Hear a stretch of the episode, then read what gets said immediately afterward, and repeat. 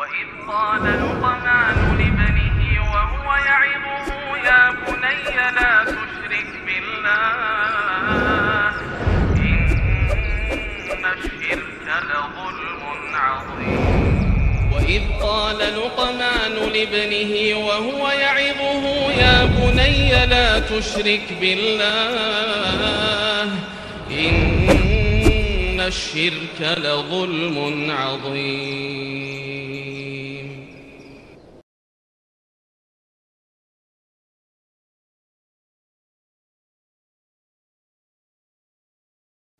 Assalamualaikum warahmatullahi wabarakatuh. Innal hamdalillah nahmaduhu wa nasta'inuhu wa nastaghfiruh. wa na'udzu billahi min shururi anfusina wa sayyiati a'malina. May yahdihillahu fahuwal muhtadi wa may yudlil falan tajida lahu waliyyan mursyida. Asyhadu an la ilaha illallah wahdahu la syarika lah wa asyhadu anna Muhammadan 'abduhu wa rasuluhu alladzi la nabiyya ba'dah. وقال الله سبحانه وتعالى يا أيها الذين آمنوا اتقوا الله حق تقاته ولا تموتن إلا وأنتم مسلمون. يا أيها الذين آمنوا اتقوا الله وقولوا قولا سديدا. يصلح لكم أعمالكم ويغفر لكم ذنوبكم. ومن يطع الله ورسوله فقد فاز فوزا عظيما.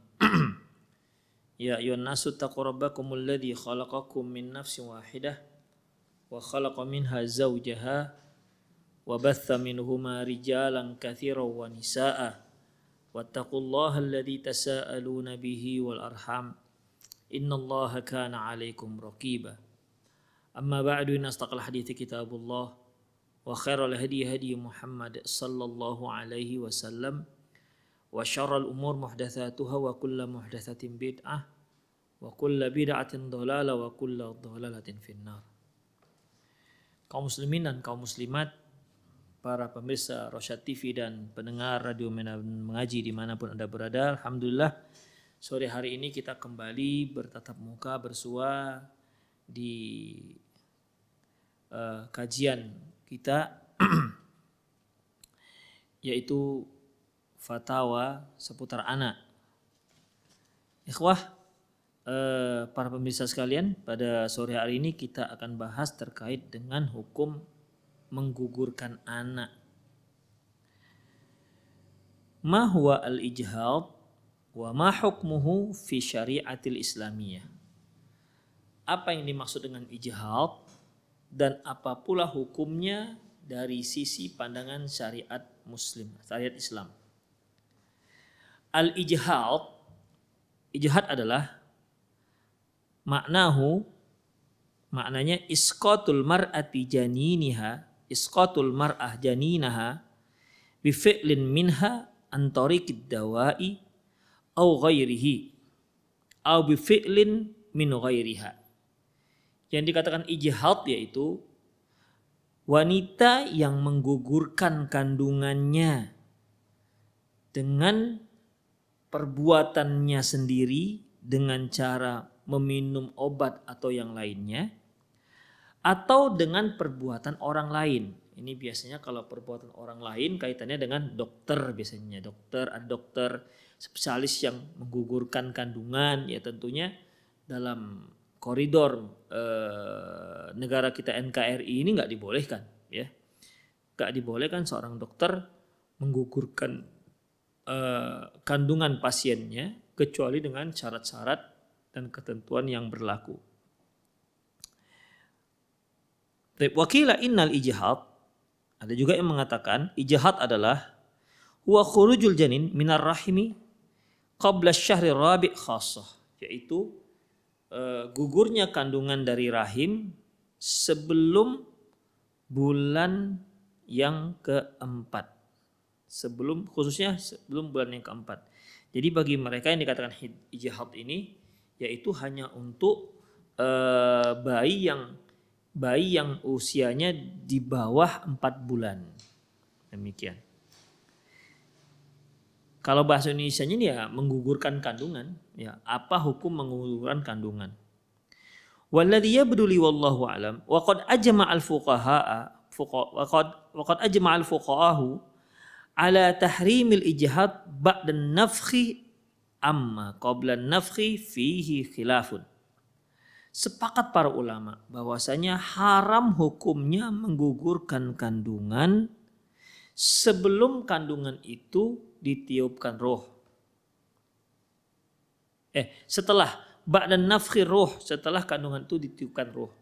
Ditiupkan roh sebagaimana yang sudah kita singgung bahwasanya Rasulullah Shallallahu Alaihi Wasallam menyebutkan bahwasanya uh, dikumpulkan kejadian manusia itu dalam rahim ibunya 40 uh, 40 hari masih dalam bentuk nutfah. Ya, 40 hari masih dalam bentuk nutfah. Summa yakunu 'alaqah mislu dzalik.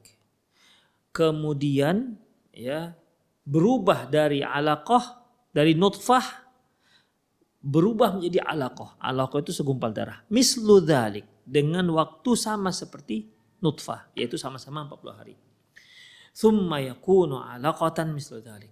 Kemudian ya setelah 40 hari ketiga berubah menjadi segumpal daging. Jadi di sini ada 40 hari 40 hari pertama, 40 hari kedua, 40 hari ketiga. 40 hari pertama itu masih berupa nutfah ya kita katakan embrio lah atau zigot. Kemudian 40 hari kedua berubah menjadi uh, segumpal darah. 40 hari ketiga berubah menjadi segumpal daging. Setelah itulah baru fayur salu ilaihi malak.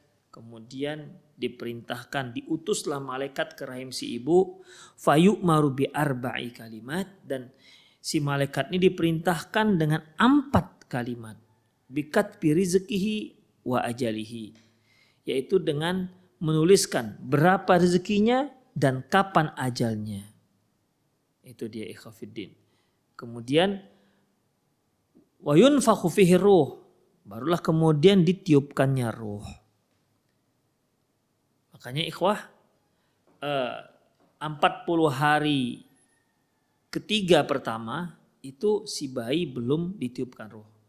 Di atas itu barulah si bayi ditiupkan roh. Nah, jadi permasalahan di sini adalah apabila pengguguran janin itu di atas uh, setelah si bayi di setelah si bayi ditiupkan roh, maka sepakat para ulama itu tidak dibolehkan. Ya. Tetapi kalau penggugurannya itu dilakukan sebelum ditiupkan roh, Di sinilah para ulama berkhilafiyah di sana. Berselisih pendapat. Sebagian mengatakan boleh, sebagian mengatakan enggak boleh, sebagian mengatakan boleh tapi dengan syarat-syarat dan lain-lainnya. Tapi kita bacakan saja ikhwah. Walladhi yabduli wallahu alam. Menurutku, Allahu alam, innahu la yajuzu ifsadu nutfatin hiya aslul walad.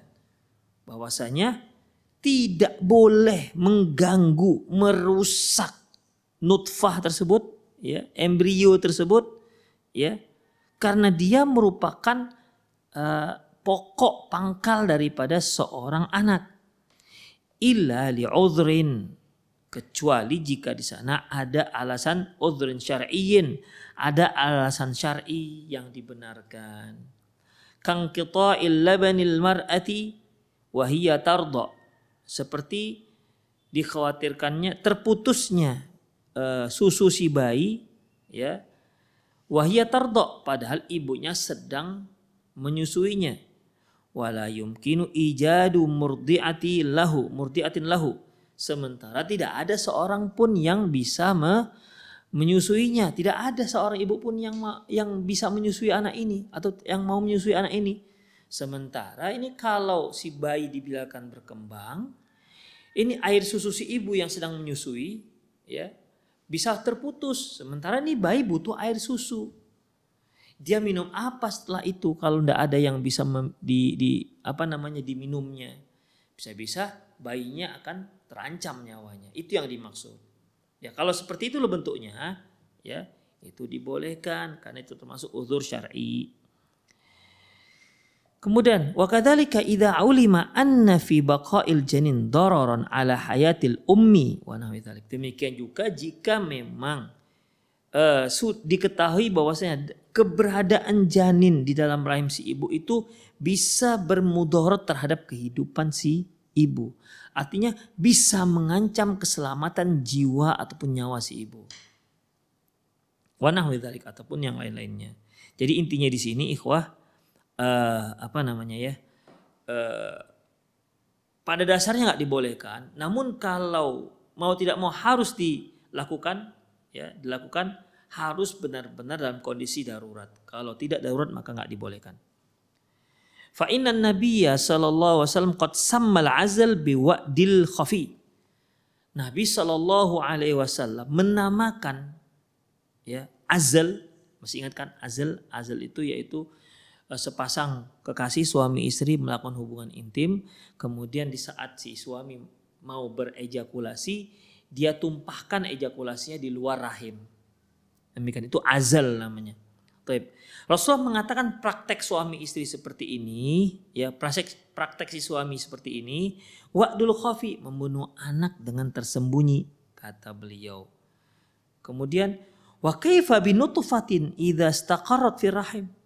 Kalau yang itu saja dikatakan wa'dul khafi, pembunuhan anak secara secara sembunyi, bagaimana dengan dengan eh, apa namanya nutfah yang sudah terjadi fertilisasi di sana, sudah tinggal menunggu besarnya, tinggal menunggu perkembangannya.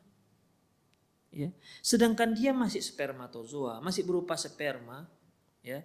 Jika dia dibuang di luar, tidak dibuang, tidak diletakkan di rahim, itu dikatakan Rasulullah pembunuhan anak secara secara tersembunyi. Konon lagi dengan embrio yang sudah jadi di mana sudah terjadi proses fertilisasi antara spermatozoa dengan ovum ya. Sehingga selnya sudah genap lengkap menjadi 46 dan dia terus berkembang memecah membelah membelah dan membelah jadi inilah nanti yang nanti ke depannya menjadi bayi kalau seandainya yang menumpahkan spermanya di luar rahim dikatakan pembunuh anak secara rahasia gimana dengan ini Ya, demikian ikhwah. Tentu tidak dibolehkan.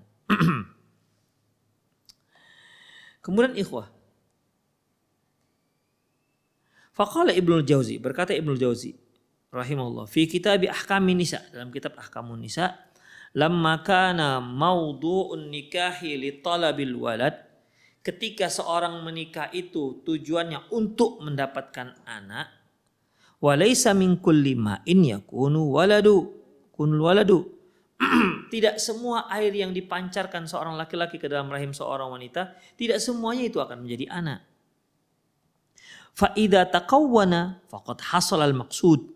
Tapi ketika terjadi proses fertilisasi, maka itulah awal daripada bibit dari manusia. Artinya dia sudah punya modal untuk mendapatkan anak.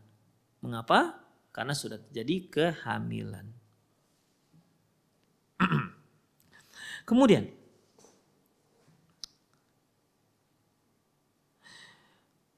fata'ammada is fata'ammadu fata'ammadu isqatihi adapun menyengaja menggugurkan tuh embrio ataupun uh, nutfah ataupun bayi yang belum ditiupkan roh Adapun sengaja menggugurkan tuh kandungan mukhalafatul lil muradi hikmah.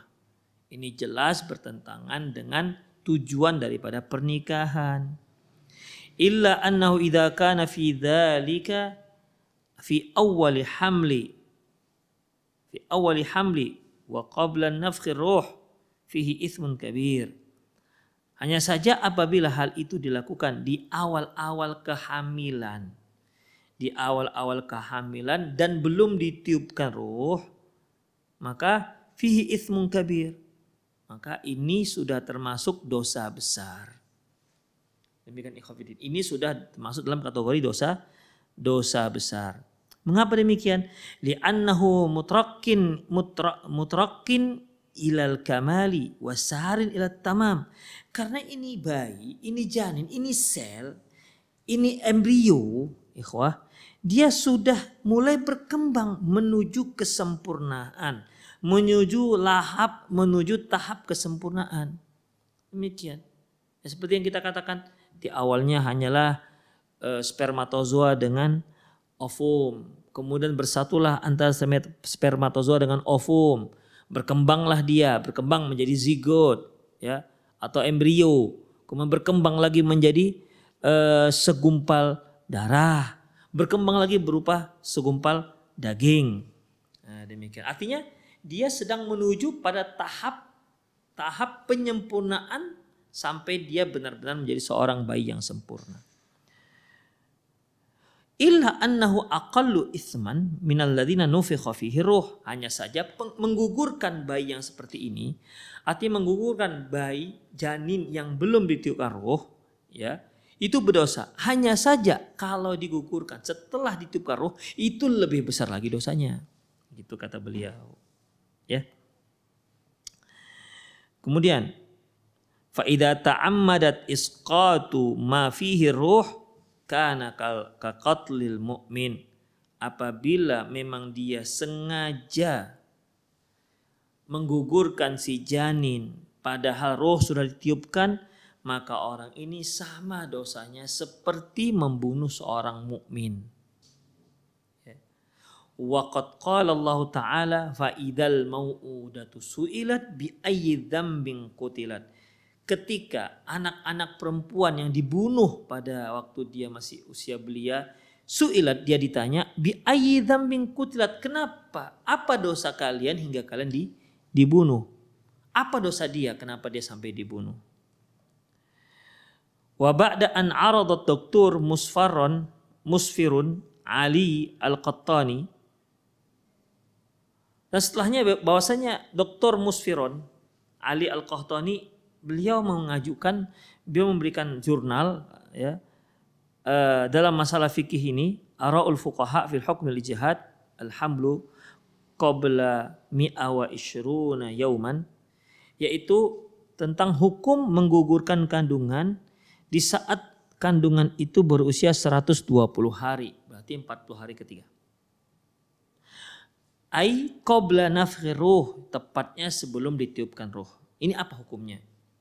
Farrojih kata beliau, yang rojih adalah uh, yaitu wallahu alam huwa madhab jumhur al-ahnaf yaitu madhab mayoritas ulamanya Hanafi. Waman wafaqahum dan orang-orang yang setuju dengan dia. Minasyafi'i minasyafi'iyyati dari kalangan Syafi'i.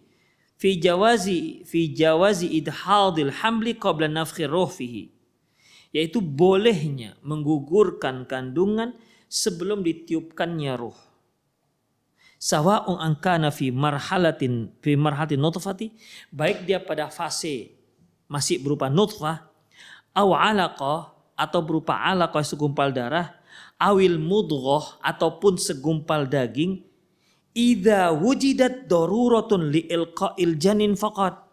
Yaitu dengan alasan ya mau tidak mau ini janin harus digugurkan. Ya, dalam prinsip darurat. Jadi artinya janin ini akan digugurkan. Mau nggak mau harus digugurkan. Memang daruratnya begitu.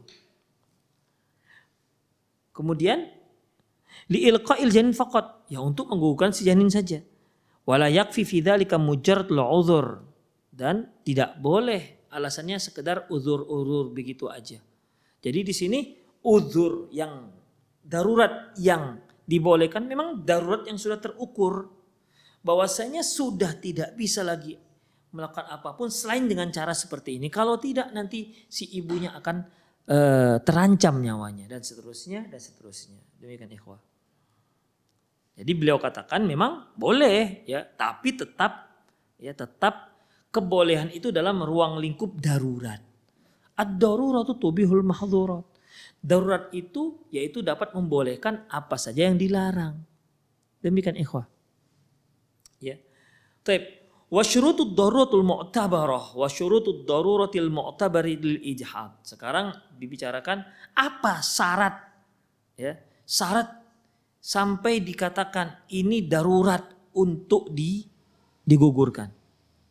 Jadi di sini penulis menyebutkan ya apa syarat hingga si janin itu boleh digugurkan dengan alasan darurat. Apa syarat darurat yang dimaksud? Nah, yang pertama, antakuna daruratu qaimatun la muntadhiratun. Yang pertama, darurat itu memang ada pada saat itu, bukan nanti. Ya. Jadi ke anak ini mau nggak mau harus selesaikan ini, nggak bisa nggak. Ya, harus digugurkan. Kalau kalau tidak nanti, kalau tidak bisa terancam nyawa ibunya. Ya, dan itu sudah bisa di pastikan ditetapkan oleh sekian dokter misalnya yang spesialis yang memang kapabilitas dalam ilmunya. Mereka sepakat mengatakan ini akan terancam. Misalnya ini. Maka ya uh, udah boleh dipersilakan untuk digugurkan. Tapi memang pada saat itu bukan daruratnya nanti. Ini nanti uh, tiga tiga bulan lagi akan berbahaya ini ah begitu tentu tidak bisa dijadikan sebagai alasan. Yang kedua, ayu ta'ayyana alal mutarri mukhalafatal awamiri wa nawahi asyar'iyyah. Di mana si pelakunya tidak ada pilihan lain selain dia harus menyelisih syariat. Kan syariat menyatakan tidak boleh di, digugurkan, tapi dia tidak punya pilihan lain. Hanya itulah cara satu-satunya. Demikian. Yang ketiga, ayyakuna daruratu mulji'atun bihaitsu yakhsha at-talafu yakhsha talafun nafsi awil adwi yaitu darurat itu kembali kepada dikhawatirkan akan terancamnya nyawa seseorang atau apa namanya atau membuat seorang menjadi cacat. Yang keempat, ayak tasirafi mayubahu fi'la lil darurah ala haddil adna lidaf'id darurah.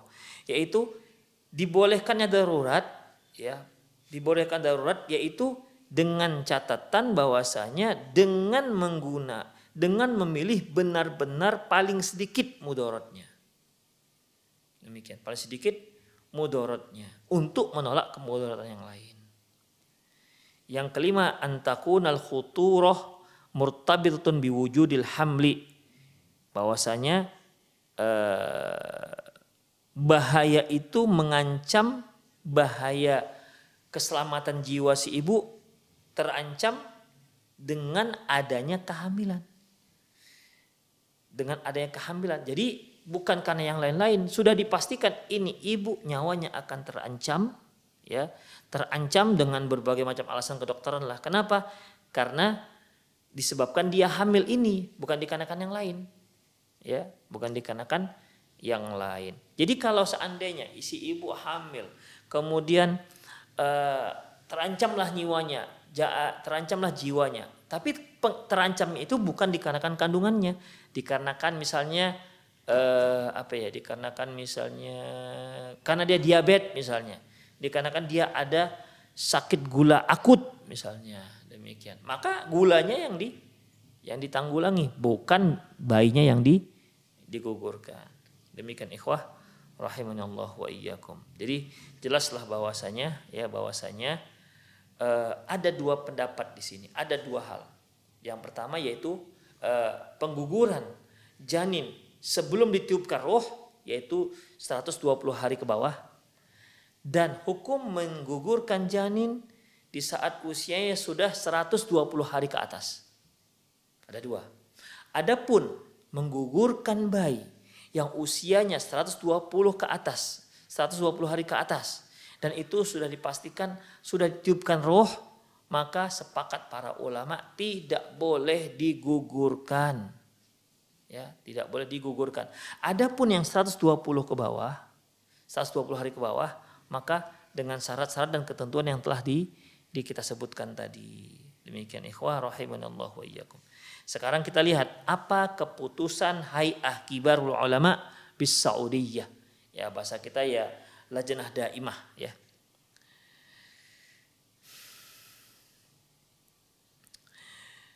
Sebagai berikut. Pertama, la yajuzu isqatul hamli fil mukhtalafil marahili illa limubarrad syar'iyyin wa fi hudusin doy, wa fi hududin doyiqatin jiddan. Bahwasanya tidak boleh menggugurkan janin baik dalam fase apa pun Mau fasenya fase masih embrio, mau fasenya masih berupa zigot, mau fasenya masih berupa segumpal darah atau segumpal tanah atau apalah namanya, tidak dibolehkan kata mereka. Kecuali dengan syarat syar'i, kecuali dengan alasan syar'i yang jelas, dengan batasan yang sangat sempit. Jadi nggak boleh dilebar-lebarkan. Dua, idza kana al-hamlu fi turil awal wa huwa wa hiya muddatul arba'in. Wa kana fi isqatihi fi hadhil muddah khasyatal masyaqqati fi tarbiyatil aulad aw khaufan min al-ajzi an takalif ma'ishatahum wa ta'limuhum aw min ajli mustaqbilatihim aw min ajli mustaqbila mustaqbiluhum aw iktifa'a bima yadail jauz, jauzaini min aulad fa ghairul jaizun. Adapun kata beliau apabila alasannya itu ya apabila alasannya itu untuk digugurkan karena merasa sulit untuk mendidiknya atau atau merasa takut lemah ya. Keluarganya lemah untuk memberi makan si anak karena anak udah banyak misalnya ya. Wa ma'ai uh, wa ta'alimihim. Demikian juga halnya dengan taklim-taklim mereka. Au min ajli mustaqbilah mustaqbiluhum. Atau dikarenakan masa depan mereka nggak jelas madesulah kita katakan masa depan suram. Tapi kan belum tahu. Jadi si orang tua ini ada gugurkan aja lah nanti kalau dia hidup gimana nanti ketika dewasa. Gimana kehidupannya? Kita nggak punya apa-apa. Begitu. Lah kira kira-kira. Maka awitifa abi maladai zauja ini aulad. Atau ya atau dia mereka merasa udahlah cukup saja sebegini anak kita nggak usah tambah-tambah lagi. Ternyata nambah juga kemudian digugurkan fa ghairu jaizun maka hal itu tidak dibolehkan. Ya maka hal itu tidak dibolehkan. Nomor tiga. La yajuzu isqatul hamli idza kana alaqatan aw mudghatan hatta taqarrara al jan lajnatu lajnatu lajnatu tayyibatu mawthuqatun lajnatun tayyibatun mawsuqatun anna istimrarahu khatarun ala salamati ummi. Yang ketiga, tidak boleh ya, yang ketiga tidak boleh menggugurkan kandungan apabila kandungan itu masa masih dalam fase alakoh yaitu zigot atau embrio. Uh, alakoh yaitu berupa uh, apa namanya segumpal darah. Au mudghah atau segumpal daging. Sampai tim dokter yang memang terpercaya menyatakan ini baik kalau dibiarkan berkembang menjadi besar, ini akan mengancam keselamatan nyawa si ibu bi ayakhsha alaihi alaiha halak min istimrarihi jaza isqutu isqatuhu ba'da istinfadu kafatal wasail li li talafi tilkal akhtar. Yang demikian ini ikhafidin ya. Jadi intinya bahwasanya uh, menggugurkan ya, menggugurkan itu dikarenakan di adanya tim dokter yang memang dipercaya bersepakat bahwasanya ini bayi jabang bayi ini kalau dibiarkan berkembang di e, di rahim ibunya maka dia akan mengancam keselamatan jiwa si ibu. Ya mengancam keselamatan jiwa si ibu. Nah demikian. Maka hal itu boleh alasan itu boleh digunakan untuk menggugurkan janin tentunya setelah melakukan berbagai macam cara untuk menyelamatkannya. Demikian. Ya. Ketat ini ikhwah. Kalau bahasa kita udah memang nggak boleh dah habis cerita. Mau dia jadi zigot mau apa nggak boleh dah habis. Ya. Yang keempat, ba'da turi thalitha, ba'da turi thalithi, wa ba'da kamali arba'ati ashuril hamil la yahillu isqatuhu hatta yuqarriru jam'a atibba al-mutakhassisin al-mawthuqin. Setelah fase yang ketiga, berarti setelah 40 hari ketiga, maka yaitu setelah uh, setelah apa namanya setelah uh, genapnya 40 bulan ya karena setiap pasti itu kan tadi 40 hari ya 40 hari tiga pasti berarti 120 120 hari. Kalau kita ambil bulannya karena bulan itu satu hari 30 hari satu bulan itu 30 hari berarti 4 bulan. Setelah genap 4 bulan kehamilan 4 bulan maka tak boleh di tidak boleh digugurkan. Sampai disepakati oleh banyaknya para dokter yang mereka memang spesial masalah itu yang bisa dipercaya anna bata baqail janin fi batni ummi yusabbibu maut yusabbibu mautuhu. Bahwasanya mereka menyatakan ini kalau si anak dibiarkan berkembang dalam janin ibunya dalam rahim ibunya maka akan mengancam keselamatan ibunya akan mengancam uh, kehidupan si ibu Wadhalika ba'da infadhi kafatil wasail linkadi linkadi hayatihi. Yang demikian itu pun setelah semua sarana dan prasarana kita kita lakukan. Wa inna ma rukhisa fil iqdami ala isqatihi bihadha syurut daf'an li a'zami daruraini. Sungguhnya ya dibelikan rukhsah rukhsah e, untuk menggugurkan kandungan dengan syarat-syarat yang di atas ya itu gunanya untuk menolak mudarat yang lebih besar wajalban li'azmil maslahatain dan untuk mengambil maslahat yang paling besar. Demikian ikhwah rahimani Allahu wa iyyakum itulah terkait dengan masalah e, menggugurkan kandungan. Jadi intinya ikhwah ya, intinya hanya ada dua yaitu hukum ini terkait dengan masalah janin yang dikandung sang ibu yaitu yang yang janin yang berada janin yang pengguguran janin sebelum ditiupkan roh yaitu eh, pada di bawah 140 hari.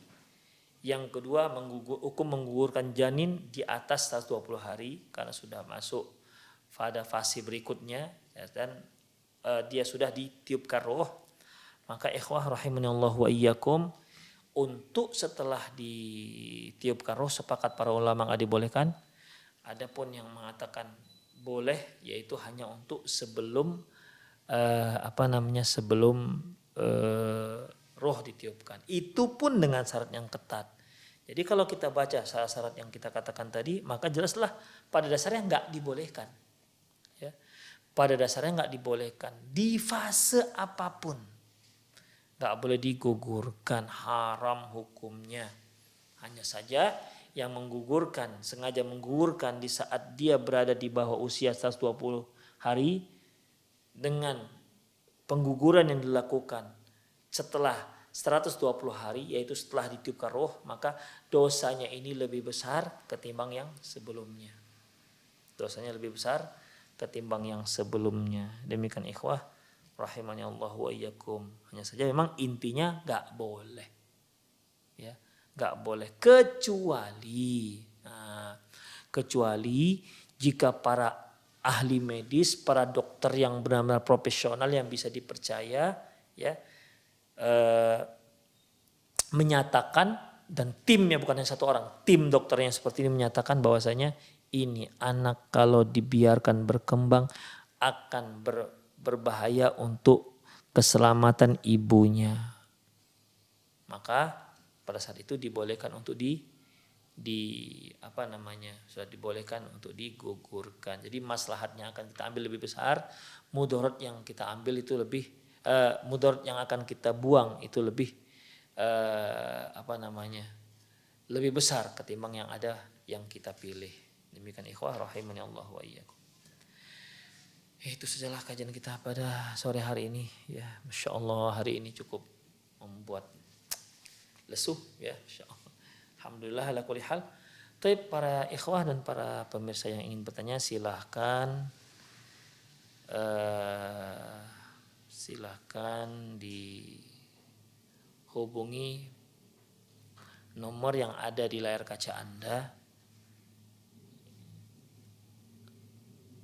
atau dengan nomor yang ada di nomor yang ada di tangan saya ini ya yaitu 0895 6113 27778 0895 6113 27778 Tuh, ini pertanyaan yang kemarin ada nomor 5. Bismillah mau tanya, apakah mengandung sebelum 10 hari digugurkan itu dosa? Katanya sebelum 10 hari belum dikasih ruh. Ya. Memang benar, sebelum 100 hari itu belum diberi ruh. Karena diberi ruh itu setelah 120 hari. Namun seperti yang telah kita bahas tadi bahwasanya menggugurkan kandungan tetap tidak dibolehkan di fase apa pun. ya, di fase apa pun tidak dibolehkan sama sekali. Kecuali dengan syarat-syarat yang sangat ketat. Karena dia itu adalah calonnya manusia.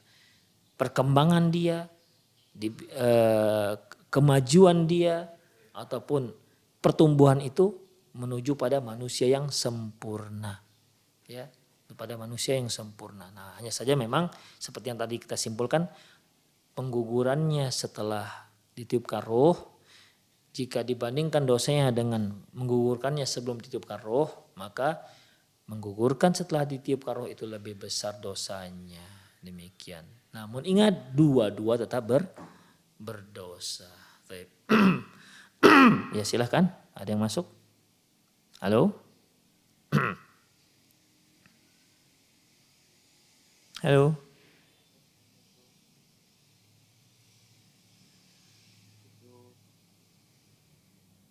Assalamualaikum.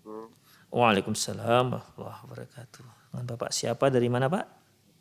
Dari Pak Rizal di Padang, Sumatera Barat, Pak. Iya Pak, silakan. Pak Rizal.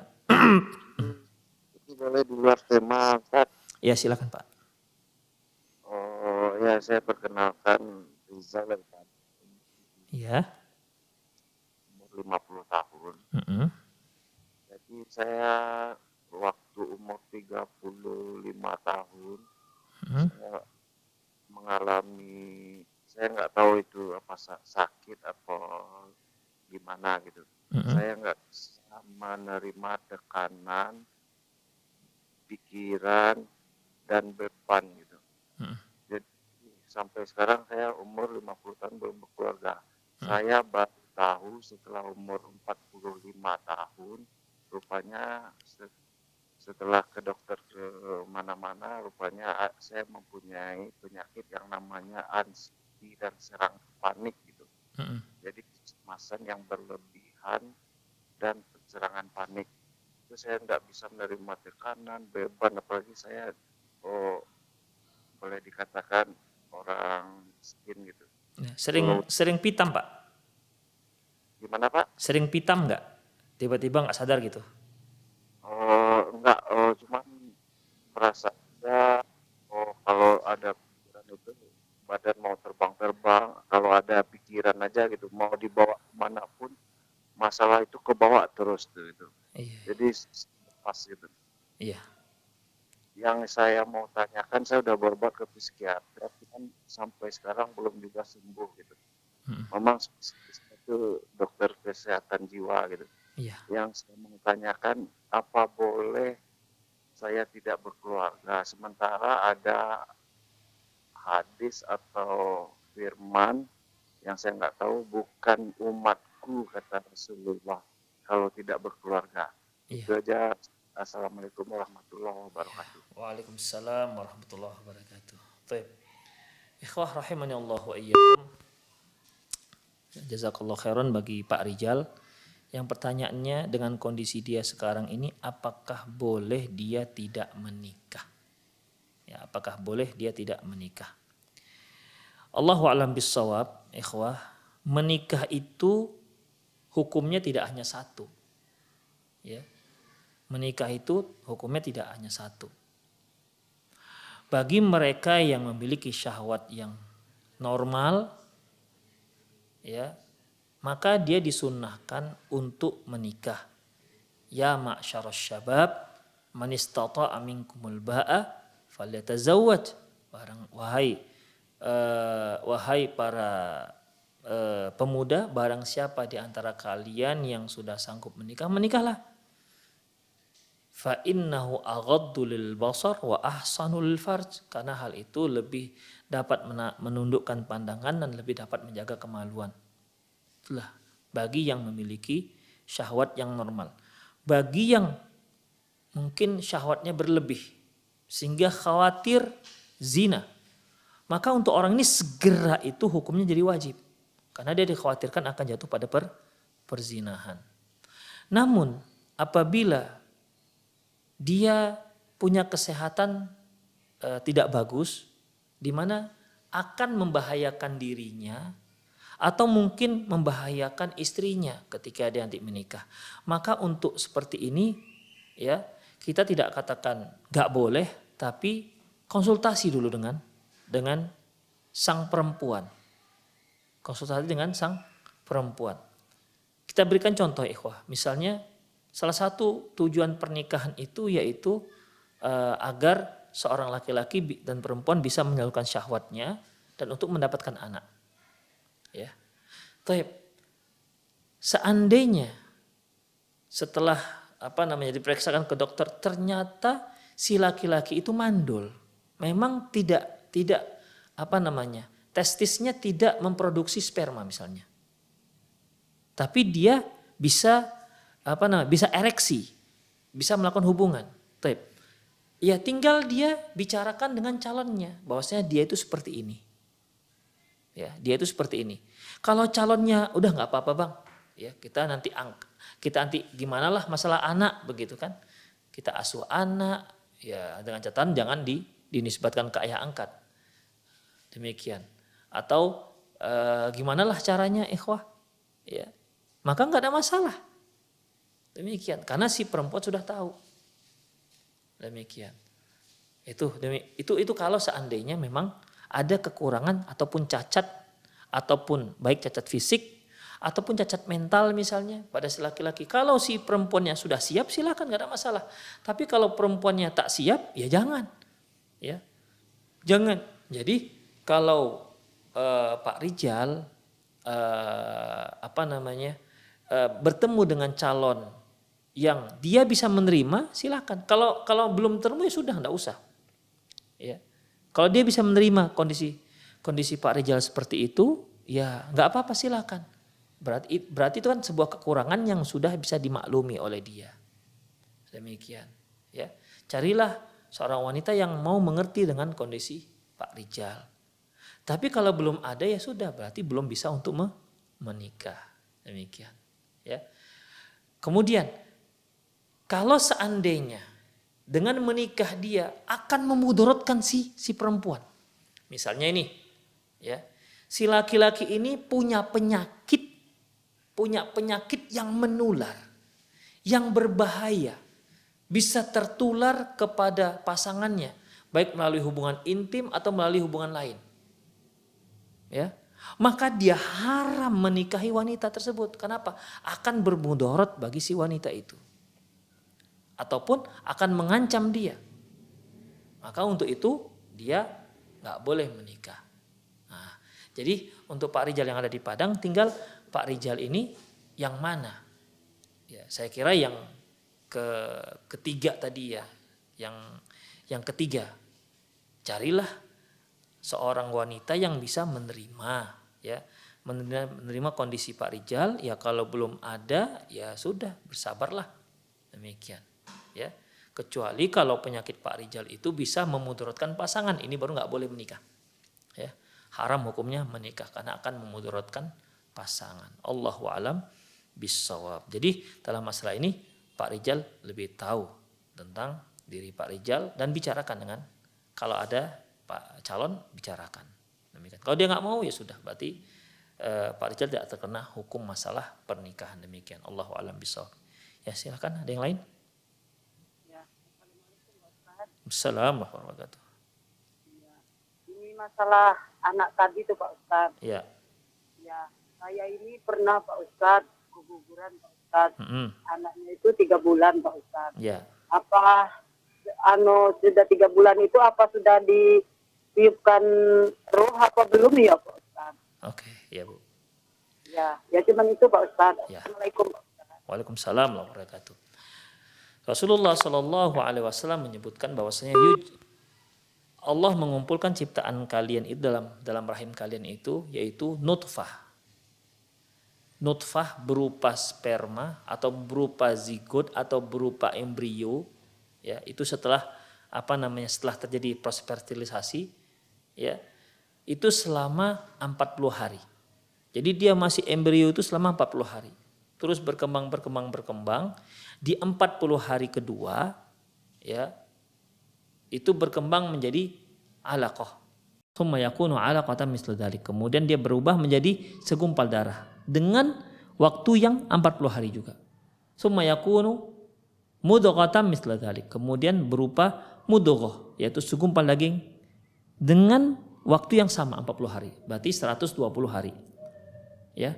Setelah 120 hari 120 hari itu adalah 4 bulan. Ya, 120 hari itu 4 bulan. Taib, 140 eh, 120 eh, hari itu setelah itulah baru di ditiupkan roh.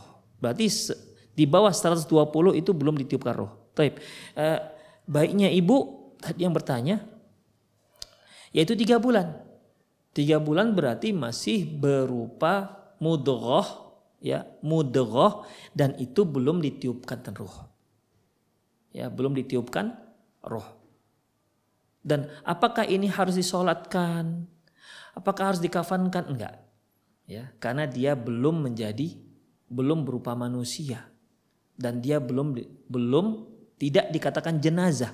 Karena yang dikatakan jenazah atau mayit itu adalah orang yang hidup kemudian meninggal, baru dikatakan dia itu mayit atau jenazah. Tapi kalau dia memang belum hidup pada dasarnya, maka dia nggak dikatakan jenazah.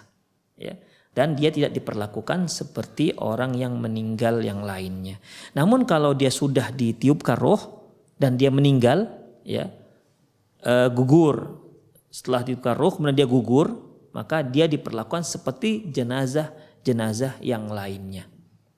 Diperlakukan seperti jenazah-jenazah yang lainnya. Ya kecuali masalah sholat, masa sholat itu dia tidak diwajibkan untuk disolatkan, tapi disolatkan lebih bagus sebagaimana eh, pada kisah Ibrahim eh, anak Rasulullah Shallallahu Alaihi Wasallam ya dikafankan dan dikebumikan di pemakaman kaum muslimin. Allahu alam. Assalamualaikum Ustaz, bagaimana pendapat para ulama tentang suntik imunisasi pada bayi? Mohon pemahamannya Ustaz, jazakallah khairan. Ikhwah rahimani Allah wa iyyakum. Suntik imunisasi itu ya itu sama seperti obat-obat yang lainnya. Ya, sama seperti akokir yang lainnya, itu obat-obatan yang lainnya. Apabila memang apabila memang jelas dia bisa membawa kebaikan pada si anak biasanya ada suntik apa ya anti polio ada suntik campak atau imunisasi apalah itu ada tiga ya imunisasi tersebut. Ya kalau memang menurut analisa para dokter yang memang dipercaya itu baik untuk si bayi maka silahkan tidak apa-apa. Silahkan tidak apa-apa imunisasi itu. Itu dia. Jadi dari keterangan dokter-dokter yang memang memang dia kapabilitas ilmunya di sana kemudian dan dia seorang muslim yang taat beragama ya dan dipercaya demikian jadi jangan berdasarkan berita-berita hoax hanya dengan nengok internet bahwasanya imunisasi begini-begini akan mengakibatkan ini segala macam akan mengakibatkan ini. Jangan itu yang kita jadikan sandaran. Ya, jangan itu jadikan sandaran. Jadikanlah sandaran berita yang benar-benar valid. Demikian, ya. Jadi carilah dokter yang memang dia dokter yang bisa dipercaya dalam masalah ini dan bagus agamanya, lurus agamanya ya kuat agamanya. Ingat, jangan hanya berdasarkan berita-berita hoax atau berita-berita dari internet. Internet itu banyak sekali beritanya. Ada yang mengatakan ini nggak boleh, ada yang mengatakan boleh ini asalnya segala macam, ini bisa mengakibatkan bayi begini dan seterusnya. Ya, Jangan berdasarkan itu. Cari mana dokter yang bisa dipercaya. Demikian. Kemudian yang kedua, imunisasi tersebut bahannya memang bahan yang halal. Itu dia. Kalau dari barang yang nggak halal nggak dibolehkan jelas. Jelas tidak dibolehkan. Sama seperti obat-obatan kita. Ya. Rasulullah Shallallahu Alaihi Wasallam bersabda, "Tadawu berobatlah kalian, wala tadawu bil haram." Tapi jangan kalian berobat dengan yang haram. Itu dia nggak dibolehkan. Uh, karena sesungguhnya Allah tidak menjadikan sesuatu yang haram itu menjadi obat. Itu ikhwah. Jadi coba uh, yang penanya ini yang pertama ya tanya dokter dokter yang memang benar-benar kapabilitas ilmunya tentang masalah imunisasi bayi ini kemudian dia memang bisa dipercaya agamanya bagus ya Kemudian pastikan juga bahwasanya bahan-bahan dari imunisasi yang disuntikkan itu apakah polio, apalah namanya ya. Ya, dipastikan bahwasanya halal. Kalau sudah seperti itu, ya dapat rekomendasi dari dokter yang bisa dipercaya, maka laksanakan nggak apa-apa. Demikian. Sekali lagi saya ulang, jangan bersandarkan berita-berita yang nggak jelas. Ya, apalagi sudahlah nggak jelas kita pula menyebarkan, nggak dibolehkan ikhwah ya Rasulullah Shallallahu Alaihi Wasallam mengatakan kafa bil mar'i kadiban ayyuhadditsa bikulli ma sami'a. Cukuplah seorang itu dikatakan pendusta kalau dia kalau dia menceritakan setiap apa yang dia dengar. Karena setiap yang kita dengar itu tidak semuanya benar. Yang kita dengar itu ada yang benar dan ada yang tidak benar. Demikian ikhwah rahimani Allah wa iyyakum. Ya silahkan, ada lagi? Halo?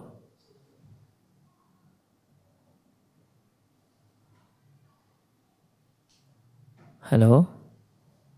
Assalamualaikum. Waalaikumsalam warahmatullahi wabarakatuh. Dengan siapa dan dari mana, Bu? Ya, dari Hamba Allah di Sumatera. Ya, silahkan. Mau nanya eh, luar tema nih, Ustaz. Ya. Ya.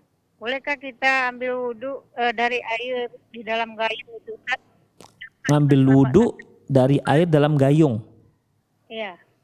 Yang kedua, Ustaz, Hmm. apa hukumnya kita sholat tahajud itu menjelang subuh gitu, Ustaz? Apa boleh? Mohon solusinya, Ustaz. Iya. Taib. Assalamualaikum. Assalamualaikum wabarakatuh. Apa hukumnya kita berwudu menciduk dari dalam gayung? Jadi kita sudah ambil air dari gayung, kemudian kita ciduk. Itu dia, kita ciduk. Ikhwah rahimani Allah wa iyyakum. Salah satu syarat dalam berwudu yaitu kita harus menggunakan air yang suci. Kita harus menggunakan air yang suci. Rasulullah Shallallahu Alaihi Wasallam bersabda, "Al ma'u tahurun la yunajjisuhu syai." Air itu suci dan tidak ada yang bisa menajiskannya apa pun. Illa in taghayyara rihuhu aw ta'muhu launuhu binajasatin tahdutsu fih. Kecuali kalau berubah rasa, bau dan berubah rasa, bau dan warnanya akibat najis yang masuk maka berubahlah air tersebut menjadi air yang najis. Ya, air yang yang najis. Taib. Berarti ikhwah, ketika kita ambil tuh air dari dalam bak mandi kita, dalam bak atau kita tabung dari keran. Taib, itu airnya air najis apa tidak? Tentu airnya air suci. Ya. Oh tapi Ustadz agak keruh. Eh, keruhnya kenapa? Kalau keruhnya dikarenakan najis baru nggak boleh. Ya. Tapi kalau memang memang memang airnya tidak jernih seperti kalau mereka yang hidup di daerah gambut itu itu airnya udah macam air teh karena tanahnya itu sudah bercampur dengan akar. Teh airnya suci apa enggak? Airnya suci. Kenapa? Perubahan air itu ya, perubahan warna air itu bukan dikarenakan najis, tapi dikarenakan benda yang suci yaitu akar bahar. Demikian ikhwah. Jadi Taib. Jadi airnya suci nih ya. Boleh nggak kita ciduk? Ya, boleh nggak kita ciduk? Kemudian kita jadikan eh, untuk air wudhu? Jawabannya boleh. Ya, jawabannya boleh. Terus, oh kan Ustadz kalau kita ciduk begini, nanti kan airnya netes masuk ke dalam masuk ke dalam apa namanya? Masuk ke dalam gayung itu lagi. Itu kan menjadi air musta'mal. Ya. Ikhwah rahimani Allah wa iyyakum, ya. Mengenai air yang masuk ke dalam kembali ke dalam apa namanya? ke dalam eh, ini ke dalam gayung tersebut ikhwah, ya. Itu masih boleh digunakan. Ya, itu masih boleh digunakan. Kenapa? Dia masih dikategorikan air suci. Itu dia. Karena air yang jatuh dari tangan kita itu itu bukan air najis. Ya, bukan air bukan air najis. Demikian ikhwah rahimani Allah wa iyyakum. Saya berikan contoh. Air yang oke okay, kita anggap saja berubah, berubah apa namanya? berubah e, baunya. Seperti kalau seandainya air yang berubah baunya dikarenakan bukan dikarenakan najis, kan tangan kita kan nggak najis, ya. Bukan dikarenakan najis, itu nggak dibolehkan. Coba Coba kita ketika kita memandikan jenazah, itu di siraman terakhir itu air tersebut kita campur dengan air kapur, kapur barus. Kita siramkan. Demikian, ya, kita siramkan. Ah, berarti air ini juga bisa mensucikan. Demikian. Jadi di, dibolehkan. Taib. Hadis yang lain ikhwah rahimanallahu wa iyyakum. Rasulullah sallallahu alaihi wasallam bersabda, "Idza stayqadha ahadukum fala yaghmis yadahu fil inai hatta yaghsilaha thalathan fa innahu la yadri aina batat yadahu. Apabila salah seorang kalian baru bangun tidur, jangan dia celupkan tangannya ke dalam air sampai dia basuh dulu tiga kali. Karena dia tidak tahu, ya, karena dia tidak tahu ke mana tangannya bermalam. Taib. Sekarang kita tanya, Rasulullah katakan tidak boleh mencelupkan air eh, tangan ke air. Kita bangun tidur, tidak boleh kita celupkan tangan kita ke dalam air sampai kita basuh dulu setelah tiga kali. Udah, taib. Kalau kita sudah basuh tangan kita tiga kali, boleh nggak kita celup? Berarti kan boleh. Nah, demikian ikhwafiddin. Ya, jadi tidak mengapa ya kita mengambil air wudhu dengan cara menciduk dari dari gayung, menciduk dari bak dan seterusnya. Tidak, tidaklah mengapa. Demikian ikhwah rahimani Allahu wa iyyakum. Kemudian Rasulullah Shallallahu alaihi wasallam itu berwudu dengan dengan satu mut ya, dengan satu mut. Satu mut itu sekitar 500 ml atau kurang. Itu kalau tidak diciduk ya, kalau dituangkan begitu tidak akan cukup. Jadi intinya ikhwah rahimanallahu wa iyyakum dibolehkan, tidak masalah. Ya, kecuali kalau tangannya tadi tangannya kotor, bekas istinja, berarti nggak dibolehkan. Bersihkan dulu tangannya, ya, baru kemudian di boleh menciduk air yang ada dalam gayung. Allahu alam bisawab.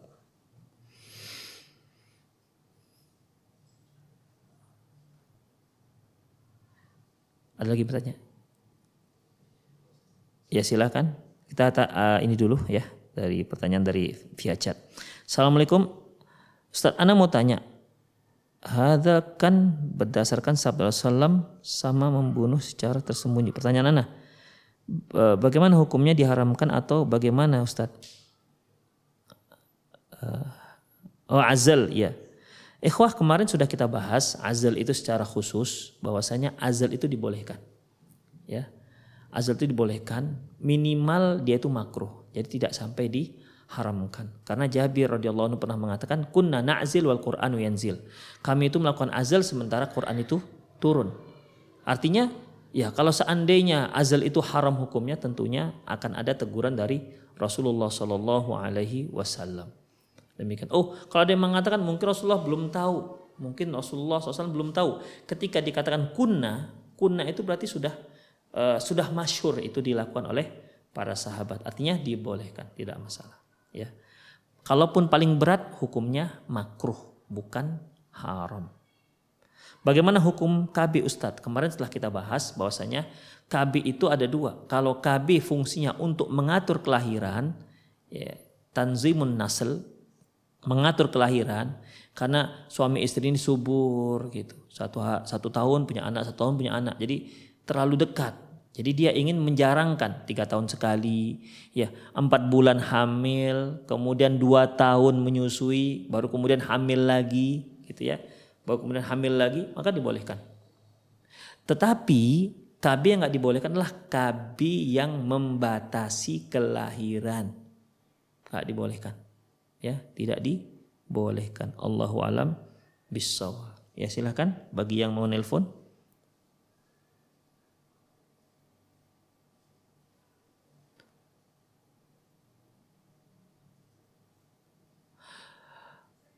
Taib. Oh iya tadi ada pertanyaan yaitu hukum sholat tahajud mendekati subuh. Ikhwah rahimani Allah wa iyyakum. Rasulullah sallallahu alaihi wasallam bersabda, "Salatul salatul lail mathna mathna." Salat malam itu dua rakaat, dua rakaat, dua rakaat. Fa in khasyya subh, kalau dia takut subuh masuk, maksudnya pas adzan subuh, fa'autir biwahidah, maka witirlah, maka sholatlah witir satu rakaat. Jadi artinya sholat tahajud itu waktunya ya waktu akhirnya adalah beberapa saat sebelum adzan subuh. Jadi kalau saat sekarang adzan subuh itu 5 kurang 5 misalnya atau 4.50 4 5 jam 4.50 jam 4.50 menit. Berarti ibu sholat tahajud boleh jam 4 49 ya. Jam 4 48 masih dibolehkan. Karena batas akhirnya yaitu ketika adzan subuh berkumandang. Jadi boleh. Misalnya nih jam setengah setengah lima ibu baru bisa bangun. Ya silahkan sholat. Sholat tahajud sampai beberapa saat berkumandangnya adzan subuh. Demikian ya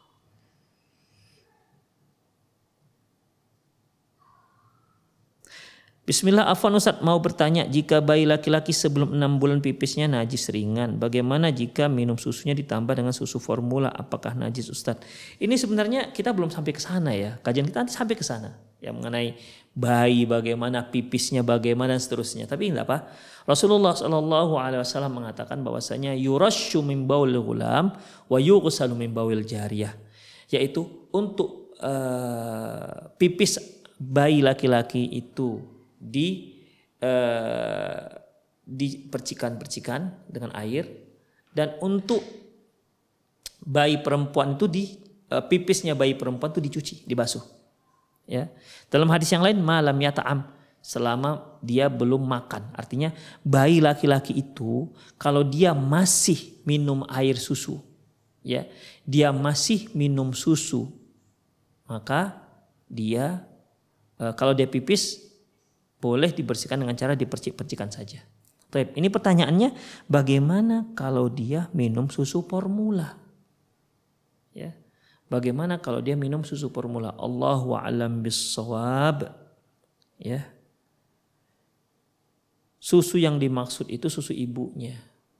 Adapun susu formula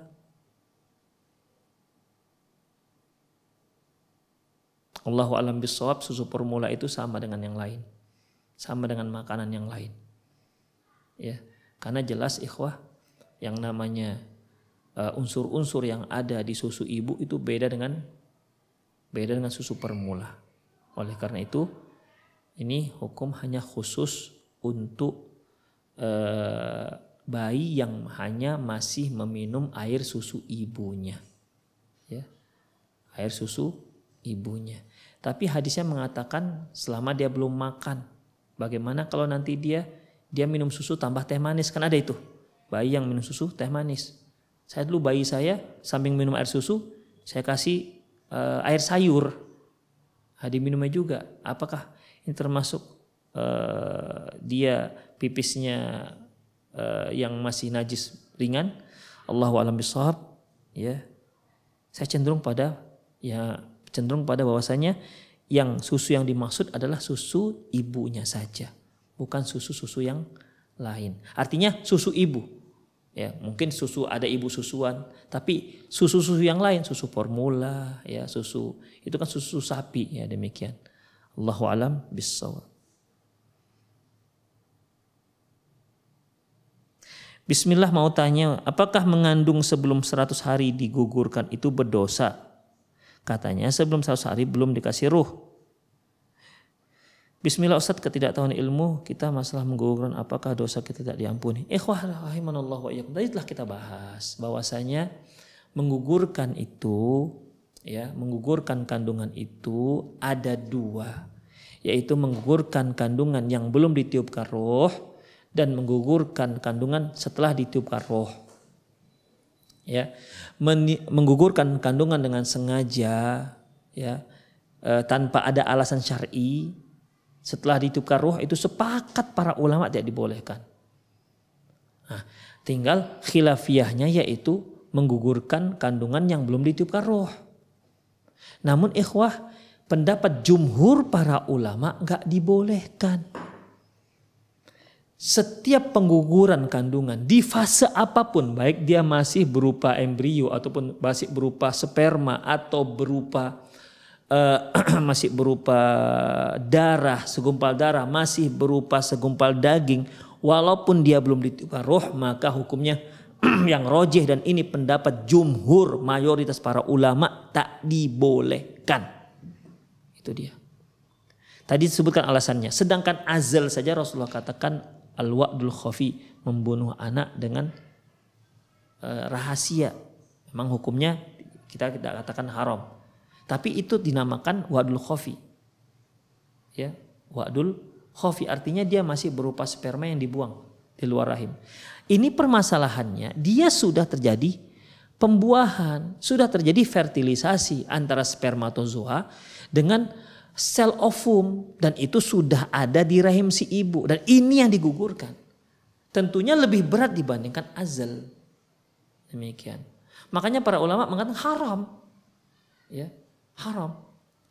Kalau azal ikhwah kan air yang diletakkan seorang suami ke rahim istrinya kan tidak semua tidak semuanya akan jadi anak. Hanya satu satu sel saja yang menjadikan menjadikan sel ovum menjadi anak. Sisanya kan terbuang. Demikian. Ya. Kemudian itulah azal itu. Ya, azal itu ya dibuangnya semua. Ah ini masalahnya yang satu yang sudah terbuahi ya, yang sudah terbuahi dan itu lengket di rahim seorang ibu yang siap untuk dibesarkan oleh rahim, ya. Ini yang digugurkan. Makanya sepakat apa namanya jumhur para ulama menyatakan tidak dibolehkan. Jadi bagaimana Ustadz kalau kita nggak tahu bertobat kepada Allah Subhanahu wa taala. Ya. Jadi sama-sama dosa, hanya saja dosanya akan lebih besar kalau dia menggugurkan setelah si bayi mendapat ditiupkan ruh. Ikhwah rahimani Allah wa iyyakum. Saya kira itu sajalah kajian kita pada sore hari ini. Semoga sedikit yang kita sampaikan tadi bermanfaat. Lebih dan kurang mohon maaf kalau ada kesalahan dari saya.